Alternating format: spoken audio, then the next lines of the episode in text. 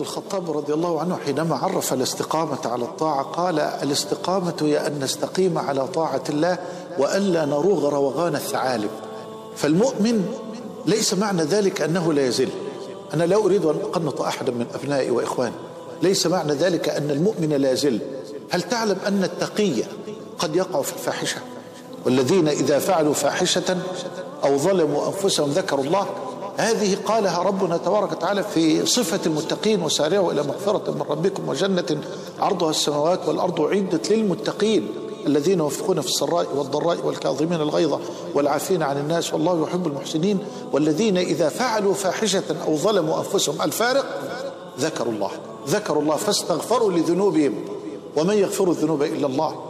فإذا من المؤمن إن زلت قدمه في بؤرة معصية لبشريته وإن جذبت أشواك الذنوب ثيابه لبشريته رفع قدمه وطهر ثيابه بدموع التوبة والأوبة والندم ووصل المسير مرة أخرى إلى الله تبارك وتعالى. الشاهد أن المؤمن يحتاج إلى أن يذكر نفسه دائما أن يكون في ذكر أن يكون محافظا على الطاعات على العبادات وعلى رأسها الصلاة.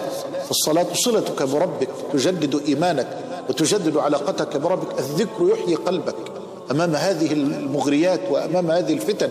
مثل الذي يذكر ربه والذي لا يذكر ربه كمثل الحي والميت فالذاكر لله حي وإن حبست منه الأعضاء والغافل عن ذكر الله ميت وإن تحرك بين الأحياء. أيضا من أعظم الأسباب والمعينة الصحبة الصالحة الصحبة خاطب أبنائي وشبابي وبناتي. يعني قد ينشأ الإبن في بيت طيب على رأسه والد فاضل مرب وعلى رأسه أم فاضلة مربية. لكن ربما ينحرف الشاب أو ينحرف الابن خارج البيت. لماذا؟ بسبب الصحبة. ولذلك أقول لأبنائي تذكر أن النبي صلى الله عليه وسلم الآن أمام عينيك وبين يديك يقول لك لا تصاحب إلا مؤمنا ماذا سيكون جوابك لرسول الله؟ لا تصاحب يا ولدي إلا مؤمنا ولا يأكل طعامك إلا تقي يعني لا تدخل بيتك إلا الأتقياء. ففرق كبير بين زميل لك يمنحك ورقة يذكرك فيها بالله أو شريطا أو حلقة أو مقطعا. وبين زميل آخر يعطيك مقطعا يزل بك إلى المعصية وإلى الهاوية.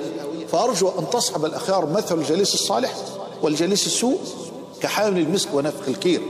وقبل كل ذلك وبعد كل ذلك أن تصدق في طلب العون من الله عز وجل أن يثبتك على الطاعة وأن يعينك عليها. ليه؟ لأنه لا ينبغي أبدا أن أغتر بعلمي أو أن أغتر بعملي.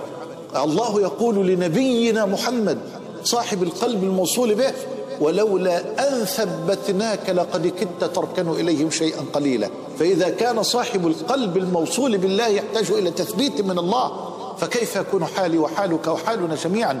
نعم نحن نحتاج في كل محنة وأمام كل مغرم من مغريات هذه الحياة التي نحياها الآن نحتاج إلى أن نتبرأ من حولنا وطولنا وقوتنا وعلمنا وعملنا وأن نضرع إلى الله سبحانه وتعالى أن يثبتنا على الحق حتى نلقاه. يا رفيقي أي درب تبتغي من بعد الدرب؟ يا صديقي أي حب؟ صادق تشري بحبي. يا رفيقي أي درب تبتغي من بعد الدرب يا صديقي أي حب؟ صادق تشري بحب.